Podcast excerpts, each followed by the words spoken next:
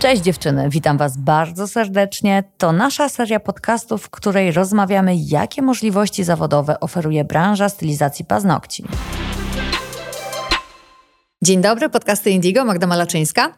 Dzisiaj będziemy rozmawiać na temat asertywności. Mam wspaniałego gościa, który przyjechał do mnie prosto ze swojej praktyki, nie tylko w gabinecie prywatnym, ale również w szpitalu psychiatrycznym, o czym warto wspomnieć, bo siedzi tu gość doświadczony. Powitajcie Maćka Jabłońskiego. Dzień dobry. Dzień dobry, witam, cześć. Maćku, porozmawiamy o asertywności, która jest y, często wyzwaniem w usługach. Żeby unaocznić dziewczynom, czym jest asertywność, bo może nie każdy sobie zdaje sprawę z definicji, jakbyśmy mogli w żołnierskich słowach powiedzieć? Asertywność to jest coś takiego, co robią ludzie, żeby trochę wyrazić siebie w świecie, żeby zająć jakieś stanowisko. Mhm. I często ludzie wiążą asertywność z mówieniem nie. Ale tak mhm. tak naprawdę to jest raczej bym powiedział wąskie rozumienie, bo asertywność to jest też wyrażanie swoich przekonań, mhm. wyrażanie swojej opinii, zajmowanie stanowiska, wyrażanie swoich uczuć. No i też to, co często ludzie utożsamiają, czyli właśnie to mówienie nie.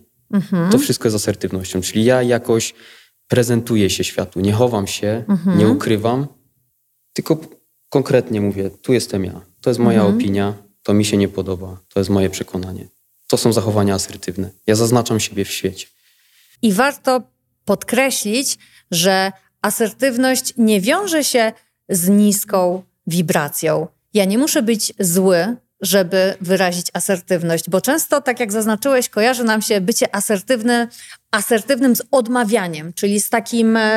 Uh, a tutaj chodzi o to, żeby cieszyć się sobą, swoją tożsamością i umieć zaznaczyć, z uśmiechem wręcz odmówić, jeżeli uznamy, że ta rzecz nie jest dla nas. Dokładnie, dokładnie. Chociaż trzeba dodać, że często, a może czasami towarzyszy jej odrobina złości. Nawet jeśli nieduża, to mhm. jak stawiamy granice, to mamy ten komponent takiego, że mi się nie podoba to, co robisz, no nie. Mhm. Albo, albo że chcę wyrazić siebie i to też wiąże się ze złością, którą mam. Więc tam może być złość, ale nie musi być. Mhm. Złość to przekraczanie granic. Dziecko się złości, bo chciałoby coś zrobić, a nie może. W dorosłym życiu wyrażanie złości albo pozwalanie sobie na przeżywanie złości i wyrażanie jej w sposób odpowiedzialny, czyli nie projektowanie na innych, tylko przyjęcie tego, że ja czuję złość, więc ja w jakiś sposób mam ją rozładować, jest całkowicie zdrowe. To też jest znowu post wychowanie lat 90., gdzie na porządku dziennym było, żeby nasi rodzice w najlepszej intencji, wychowując nas na dobrych ludzi, po prostu wypierali z nas tą złość. Nie wszystkie dzieci miały możliwość przeżycia jej. Często utożsamiano tą złość dziecka z czymś bardzo nieakceptowalnym. No i troszkę mamy tego konsekwencje dzisiaj, bo kiedy przychodzi sytuacja, w której ktoś narusza naszą granicę świadomie lub nieświadomie i mamy prawo poczuć złość, często wypieramy to, bo tak się nauczyliśmy, że tak trzeba, bo tak nam wdrukowali nasi rodzice. Tak, i tak naprawdę poruszyłaś temat powodu, dla którego y, niektórym ludziom jest ciężko być asertywnymi. Bo ta złość, która powinna im towarzyszyć mhm. w trakcie bycia asertywnym, ta złość, która by była taką trochę siłą napędową, dawno, dawno temu została z nich wyparta. No więc mhm. wyobraź sobie, że mamy osobę, która boi się być asertywną, bo w zachowaniu asertywnym idzie jej złość, której ona nie może wyrazić. Więc kiedy była dzieckiem i ta złość była blokowana, to w miejsce tej złości pojawiało się jakieś skrępowanie, jakieś zawstydzenie i tak dalej. Mhm. I ta osoba może dzisiaj się czuć dokładnie tak samo, kiedy jest asertywna. Mówi, chcę iść do szefa, prosić o podwyżkę, ale po prostu jestem sparaliżowana. No okej, okay. to to jest właśnie to, o czym mówię. Jesteś sparaliżowana, bo w miejsce tej energii życiowej mhm. masz po prostu ten taki z dzieciństwa paraliż, bo rodzice mówili, nie złość. Mhm. Albo ignorowali twoje właśnie asertywne zachowania. Tak, tu sięgamy do źródła tego, y, co, co według mnie jest powodem, dla którego niektórym jest łatwo być asertywnymi. Mhm. To są te osoby, które mają fajnie zintegrowaną złość w sobie. Mhm. I, I z osobami, które są bardziej uległe, to są te osoby, które mają problem z przeżywaniem tego uczucia. Dobra wiadomość jest taka, że bez względu na to, czego doświadczyliśmy w przeszłości, na co zupełnie nie mieliśmy wpływu i co nie jest naszą winą, to możemy całkowicie uleczyć i zmienić, ponieważ nasze mózgi są neuroplastyczne, my jesteśmy zwierzęciem nawykowym i każdy nawyk jesteśmy w stanie wyplenić. Jeżeli uznamy, że tak chcemy, to oczywiście generuje w nas potrzebę decyzji, higieny, konsekwencji, ale wszystko możemy naprawić, powiedzmy w cudzysłowie, co zostało zepsute, kiedy byliśmy dziećmi. I nie ma nic gorszego niż wejść teraz w buty ofiary, że przecież mi to zrobili w przeszłości. Dobra, zrobili. Robili to z najlepszą wiarą. Każdy rodzic robi wszystko z najlepszą wiarą. Daje 100%, więcej nie ma, nie potrafi. A to, że my dzisiaj, pokolenie później, jesteśmy dużo bardziej świadomi, to tylko przybić sobie piątkę i zadziałać. Bo jeżeli widzę, że mam problem z asertywnością, mam problem z tym, żeby podnieść cenę klientkom o te 15 zł, płacę dużo więcej za wszystko, ale mam z tym problem i nie chce mi to przejść przez gardło, to nie szukaj problemów wszędzie naokoło, nie zwalaj na rodziców, nie myśl, że to przez klientkę. Tu jest kłopot. Rozwiąż go. Masz moc, masz wybór, możesz to zrobić. Od czego zacząć? Jakie pierwsze kroki? E, jakie pierwsze kroki? No myślę, że z racji tego, że to może być na początku trudne przedsięwzięcie, osoba, która dotychczas na przykład nie była asertywna, nagle chce zacząć być asertywną, no to może mogłaby zacząć od tego, żeby zadać sobie pytanie, czy na pewno tego teraz potrzebuje mhm. żeby taką asertywną się stać. No, zgaduję, że skoro podjęła decyzję, że chce, no to jest jakiś powód. Może, nie wiem, pracodawca ją wykorzystuje. Może klienci wchodzą jej na głowę. Może mhm. partner po raz kolejny ją oszukuje. Stwierdza, że już mam tego dość, mhm. nie chcę być dłużej uległa, chcę w końcu zacząć być asertywną, czyli zabiorę stanowisko, postawię granice, pokażę, gdzie ja jestem, co mnie oddziela od was, co mi się podoba i co mi się nie podoba. A więc może to byłby taki punkt wyjścia, żeby się dowiedzieć w ogóle, co mnie nakręca do tego, yy, żeby, żeby to zmienić. Tak jak powiedzieliśmy, są konkretne powody związane z przeszłością tej osoby. Mhm. Nie obwiniamy rodziców, ale rzeczywiście coś było w doświadczeniach tej osoby, co ją zblokowało, więc ta osoba może zmienić to głęboko, docierając do tych uczuć i ucząc się, jak być z nimi ok. Mhm to była głęboka praca i raczej samodzielnie ciężka do wykonania, chociaż nie niemożliwa. A na bardziej płytkim poziomie, no to taka osoba mogłaby na przykład zastosować taką standardową technikę bycia osobą asertywną. I tu mówimy o takich trzech, może czterech krokach, jak być asertywnym. I tak się zastanawiam, czy to jest dobry moment, żebym na przykład wymienił te kroki, czy Jasne. to by mogło być ciekawe. Czy... Słuchamy. Okej, okay, więc y, y, to jest tak, że y, często w miejscu asertywności my albo stajemy się ulegli, mhm. czyli na przykład nie mówimy nic, albo zgadzamy się na wszystko, albo stajemy się agresywni. Mhm. Czyli chcemy wyszarpać pewne rzeczy dla mhm. siebie, no nie? Powiedzieć, nie wiem, po prostu przestań to robić. To bym powiedział, że jest taki komunikat agresywny. Y, no, złotym środkiem by była ta asertywność. No i tutaj są takie trzy kroki, które warto zrobić, żeby być asertywnym. One brzmią trochę sztucznie, ale myślę, że każda z dziewczyn mogłaby sobie jakoś swoimi słowami mhm. y, ubrać to. No więc tak, pierwszy, y, pierwszy krok to jest powiedzenie, co ja czuję. Czyli mhm. zamiast zaczynać komunikat od tego, że coś ty mi robisz, na przykład, nie wiem, mhm. nie wiem, po prostu wkurzasz mnie, to mówię, jestem zła na ciebie. Przenoszę odpowiedzialność do środka. Przenoszę do środka. Tak jak mhm. wspomniałeś na początku, zamiast projekcji, czyli takiego wyrzucania tego na zewnątrz i oskarżania tej osoby, ja biorę odpowiedzialność za swoje uczucia i mówię, ja jestem zła. Mhm. Ja jestem smutna. Mhm. Ja jestem niezadowolona. Ja się czuję skrzywdzona. To jest w tobie. Kiedy już zakomunikujesz to, to to już rozmówcy daje taką trochę wygodną pozycję, że on się nie musi bronić przed tobą. Mhm. Więc ty chcesz być asertywna, ale on nie czuje, że ty atakujesz tę osobę, bo mhm. mówisz o sobie. Mhm. Kiedy już powiesz o sobie, to mówisz o nim. Więc mhm. tu już trochę palcem jego wskazujesz. Ja się jakoś czuję z tym, co ty robisz. Mhm. Czyli na przykład, nie wiem, jestem smutna, kiedy ty na mnie krzyczysz. Pytanie, co ta osoba faktycznie czuje w związku z tym, bo chodzi o to, żeby być w tym autentycznym. Autentyczność zawsze się broni, bo ludzie czują autentyczność i szczególnie jeżeli dochodzi do sytuacji konfliktowej albo eskaluje to i chyba za chwilę będzie konflikt, ta autentyczność wydaje mi się być kluczem. Nie grać, nie udawać, nie budować sztucznej zapory, powiedzieć o co mi chodzi. To jest klucz komunikacji. A komunikacja zawsze wyjaśnia tak wiele i sprawia, że nagle miał być konflikt, a go nie ma. Często popełniamy ten błąd. Zakładamy, że druga strona doskonale wie, co właśnie czujemy, co właśnie myślimy.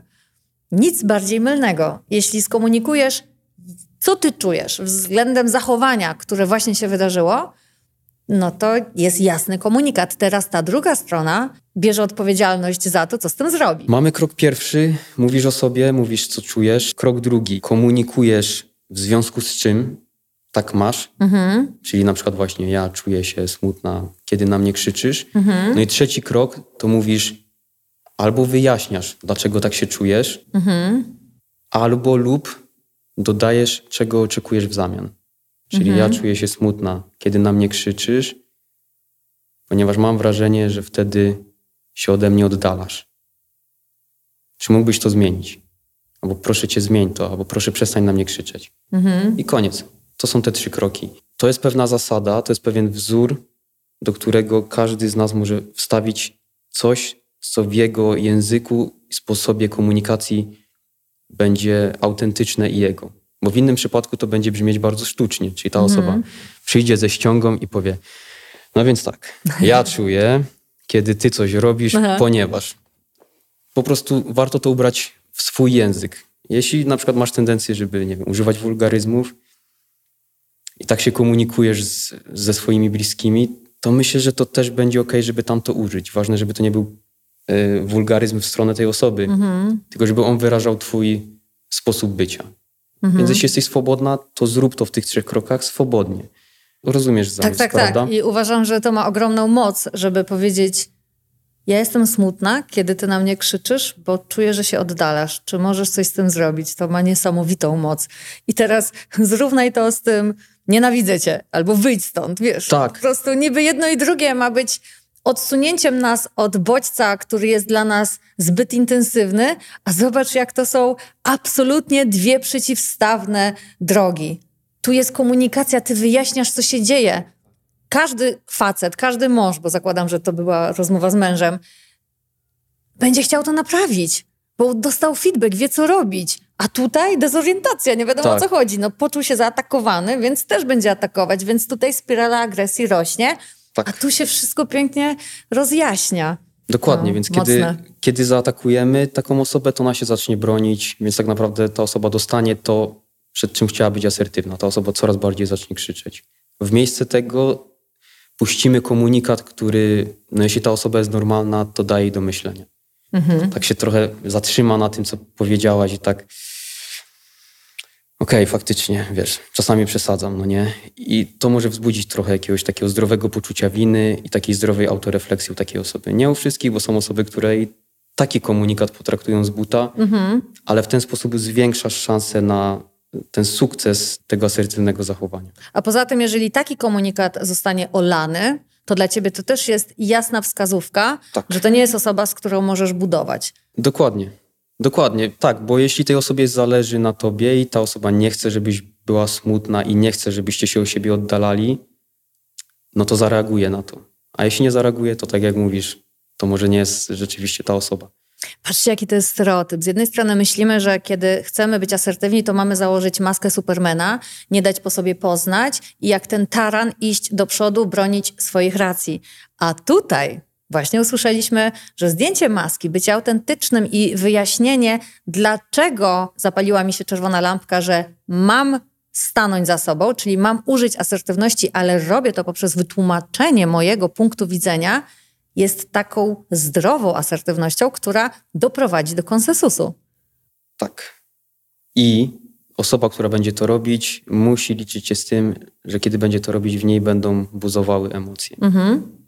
Że kiedy ta osoba po prostu tak agresywnie to wyładuje, to pozbędzie się napięcia. Kiedy będzie asertywna, mhm. to musi nauczyć się tej tolerancji i znoszenia tych uczuć, które asertywności towarzyszą. Ale będzie to też uwalniające, prawda? Myślę, że tak. Przy czym tego trzeba doświadczyć, żeby uznać, czy to było uwalniające. Ja wierzę, że to jest uwalniające, że to jest głębokie, emocjonalne doświadczenie, w którym jest duża, duża wartość. Też dla relacji, dla tej osoby. To przełóżmy to teraz na sytuację w salonie, w której podwyższamy ceny i trafia nam się klient, który absolutnie tego nie przyjmuje. Oczywiście jest to sytuacja wielowątkowa, bo klienta też nie można zaskoczyć taką informacją. To nie może wyglądać jak zazwyczaj po wykonanej usłudze. Klient jest gotowy na zapłacenie kwoty X, a ty rzucasz jak z kapelusza niespodziewaną informację, której nikt, nawet Matka Teresa i Najświętszy Papież nie przyjęliby z stoicyzmem. No każdy by się zirytował, będąc postawionym pod ścianą. Ale jeśli napiszesz tą informację w SMS-ie wcześniej, klient będzie poinformowany, przyjdzie na usługę, wybierze, żeby do ciebie przyjść i dostaje informację, że koszt usługi jest wyższy zgodnie z tym, jak wcześniej już go poinformowałaś, i tu się nagle pojawia ściana. No właśnie, to jak by to trzeba było teraz włożyć w ten wzorzec? Ten wzorzec. Pierwsza rzecz, która mi przychodzi do głowy, to zastosowanie tego wzorca w takiej sytuacji mogłoby brzmieć dziwnie. To jest jakby moja opinia. Nie wiem, czy się z tym zgodzisz, ale gdyby klient mi powiedział, nie wiem, nakrzyczał na mnie, że ta cena jest za wysoka, a ja bym mu powiedział, jestem smutny, kiedy pan na mnie krzyczy.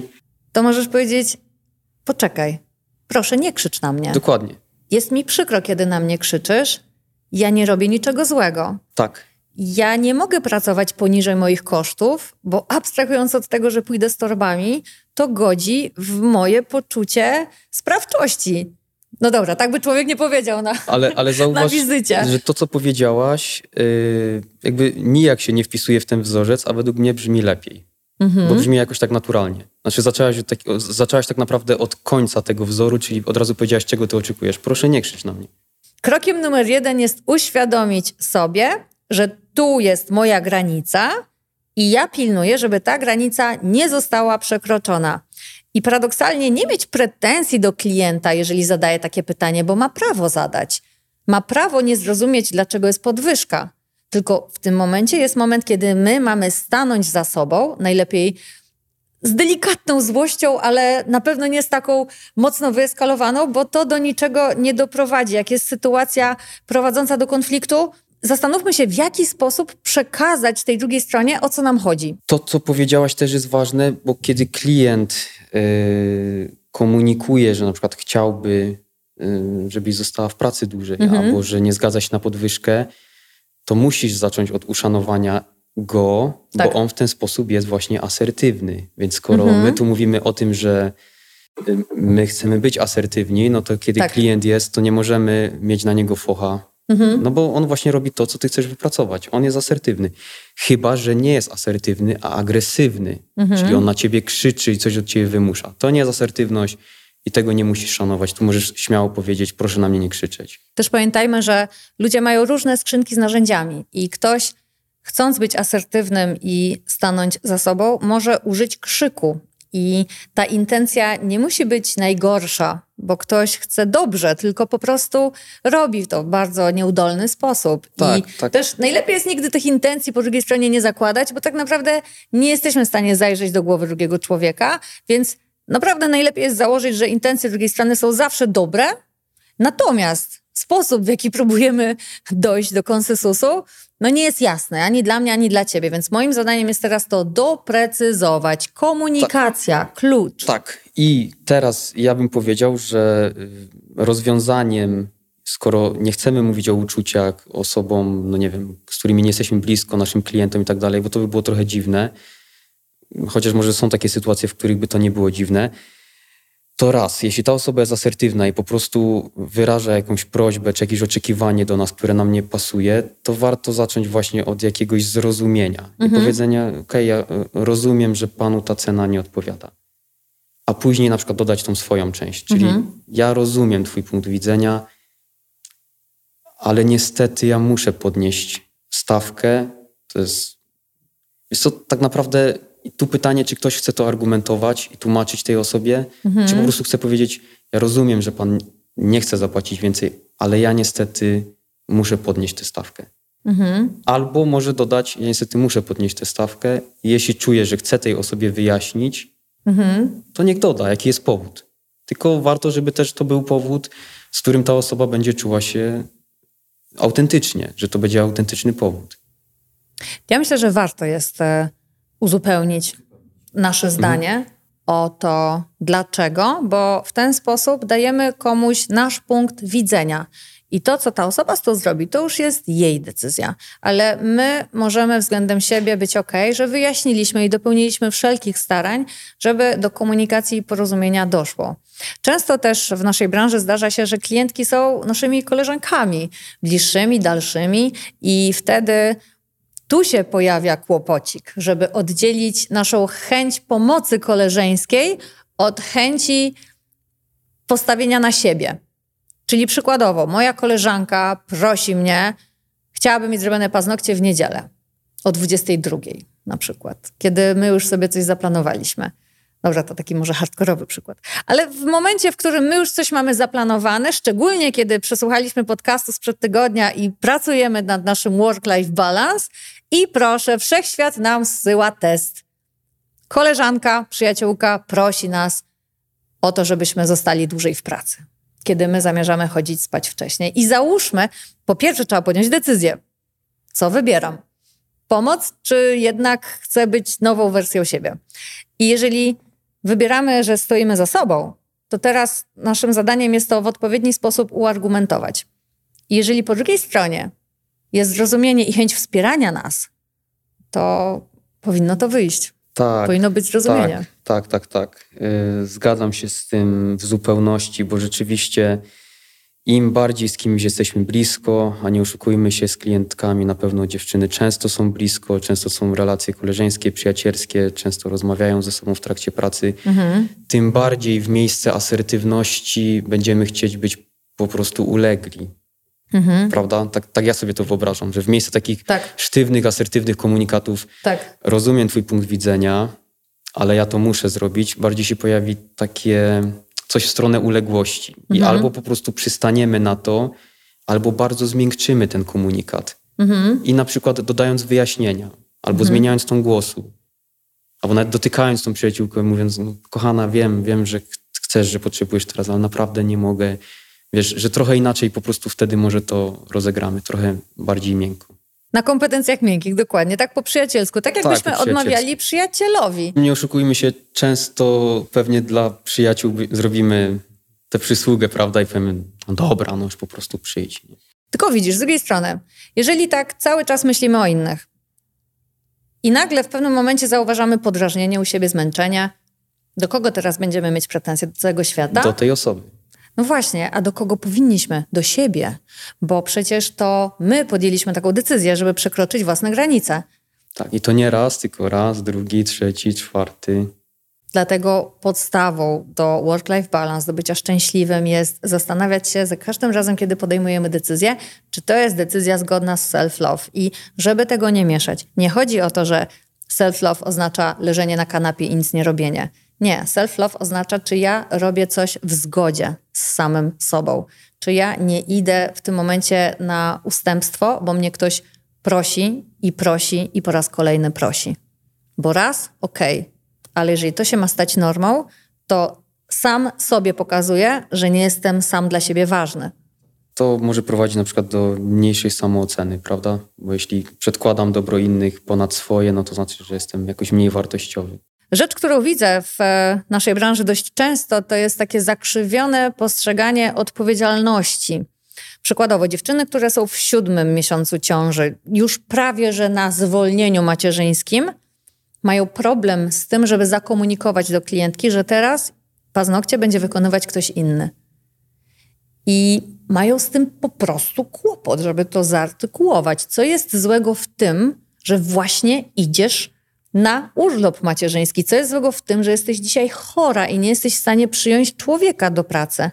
Dlaczego wyłącznie choroba zakaźna macie odciąć, żeby kogoś nie zarazić? Kiedy ty jesteś chora, to organizm ci daje informację: stop, teraz nie pracuj, odpocznij. A dziewczyny wielokrotnie to zaburzają, bo nie chcą zawieść tak. tej klientki. A z drugiej strony, klientka, kiedy tylko mogłaby się pojawić okazja, wystawi je na nie mówię, że wszystkie, absolutnie nie o to mi chodzi. Ja też jestem klientką i też dbam o czas mojego usługodawcy. Ale chodzi mi o to, że zdarzają się sytuacje, w których klientki w brutalny sposób pokazują, że no sorry, nie przyszłam. albo się spóźniłam pół godziny, albo nie poinformowałam cię o tym, że jednak dzisiaj nie przyjdę. I wtedy dziewczyny mają takiego plaskacza. W sensie, że dają wyraz swojemu niezadowoleniu, tak? W ten sposób. Klientki potrafią nie przyjść na wizytę, nie poinformować, nie wysłać SMS-a, albo poinformować na 10 minut przed wizytą, wiesz co, jednak nie przyjdę. No chyba wiesz wcześniej, że nie przyjdziesz. No chyba, że się zdarza sytuacja losowa. Wypadek, cokolwiek, tak? Nieprzewidzianego. Natomiast jeżeli nie dasz rady przyjść na wizytę, no a dziewczyna stylistka ma wtedy wolny slot. I często właśnie dochodzi do takiego dysbalansu, bo z jednej strony ja serce na dłoni, ja moim klientom wszystko, to ja przyjdę chora, to dziecko mi teściowa odbierze z przedszkola, ja dostanę, ja ci pomogę, a tutaj po drugiej stronie przychodzi do roboty w sobotę na dziesiątą i widzi SMS-a, wiesz co, jednak nie przyjdę. I ma takie, wiesz, taki plaskacz po taki, prostu przychodzi tak, od tak, życia. Tak, pytanie, co wtedy taka osoba zrobi, prawda, z, z taką sytuacją. Czy po prostu machnie na to ręką, jakoś weźmie to na siebie i po prostu się z tym pogodzi, czy właśnie może wyrazi swoje niezadowolenie z tym związane? No przede wszystkim, e, jeżeli taka sytuacja się wydarzy, to moim zdaniem to jest powód do tego, żeby raz jeszcze przewartościować, czy aby na pewno ja chcę tak, tak bardzo myśleć o innych, bo na koniec dnia inni, kiedy mają wyższe priorytety, też o tobie nie pomyślą. Więc stawiaj siebie na pierwszym miejscu, sama daj sobie miłość, wsparcie, warunki najlepsze, czy zatrudnienia, czy do rozwoju. I bądź w tym konsekwentna. I nie rób tego ze złością albo z poczuciem winy względem innych. Przecież można zakomunikować coś ze spokojem i z uśmiechem i zrobić to z miłością do drugiego człowieka, ale jednak wybrać siebie. Zazwyczaj obie strony na tym skorzystają. Wiem, że to może jest tak dziwne i, i niepopularne podejście, ale często tak jest, że stawiając siebie na pierwszym miejscu i na przykład, nie wiem, komunikując różne rzeczy, finalnie obie strony zyskują. Chociaż my częściej postępujemy odwrotnie, właśnie stawiając innych na pierwszym miejscu, bo wydaje nam się, że tak będzie lepiej, a tu właśnie efekt jest taki, że, y, no, że niekoniecznie. Jeżeli chcesz stworzyć zdrowy związek, to nie szukaj kogoś, kto da ci miłość, tylko wyobraź sobie najlepsze cechy partnera a następnie stań się tą osobą, która ma te cechy i wtedy tą osobę czy przyciągniesz, czy nawet jak spotkasz, to po prostu ona będzie zachwycona tobą, bo będziecie się nawzajem uzupełniać. Nie będzie to żaden dziwny jakiś taki układ w stylu, wiesz, kat ofiara albo, nie wiem, narcysempata. I tak samo jest w pracy. Jeżeli chcesz mieć klientki, które szanują twoje granice, to ty ustaw granice i je szanuj. I najlepiej od samego początku i bądź konsekwentna. Tak, mhm. żeby nikt nie czuł się jakoś zaskoczony, że w którymś momencie po kilku latach mm, współpracy nagle wprowadzasz rewolucję. Warto od razu gdzieś, no ale to wymaga też znania siebie. Ale jeśli tego nie zrobiłaś na początku, to podejmij męską decyzję, że robisz to od dzisiaj. Tak, nigdy nie jest za późno, ale mhm. rzeczywiście warto gdzieś od samego początku mieć pewną granicę, żeby później, żeby też oswoić ludzi z tą mhm. twoją granicą. Oni wtedy będą wiedzieć, że a, okej, okay, więc do Marty lepiej nie pisać, żeby brała nadgodziny, bo wiem, że i tak nie weźmie, więc, mhm. więc warto, warto to gdzieś od samego początku mieć ustalone, zwłaszcza w pracy, w usługach, tak. gdzie mamy bardzo y, wiele sytuacji, gdzie klienci nasze granice po prostu będą chcieli przekroczyć, no bo tak ludzie mają, że po prostu chcą więcej, więcej, więcej. A o tym już rozmawialiśmy na poprzednim podcaście co się dzieje, jeżeli nie pilnujemy swoich granic, do czego nas to może doprowadzić, czy do wypalenia zawodowego, czy do pracoholizmu, w jaki sposób ujarzmić swojego wewnętrznego krytyka. O tych wszystkich rzeczach tydzień temu długo rozmawialiśmy, więc dziewczyny, jeżeli nie miałyście okazji przysłać podcastu, gorąco zapraszamy. A dzisiaj już chyba będziemy kończyć. Myślę, że temat udało nam się wyczerpać. Tak, asertywność to nie jest jakiś bardzo szeroki temat, więc myślę, że to, co najważniejsze, udało nam się zawrzeć. zawrzeć. Tak. Cóż za synchron. Bardzo Maćku dziękuję. Dzięki również. Za Twoją wizytę. Wam dziewczyny dziękuję ślicznie za Waszą uwagę. Trzymam kciuki za to, że postawicie siebie na pierwszym miejscu już dzisiaj. Nie czekajcie. Róbcie to. Tak jest, do boju. Do boju. Trzymajcie się ciepło. Cześć. Cześć.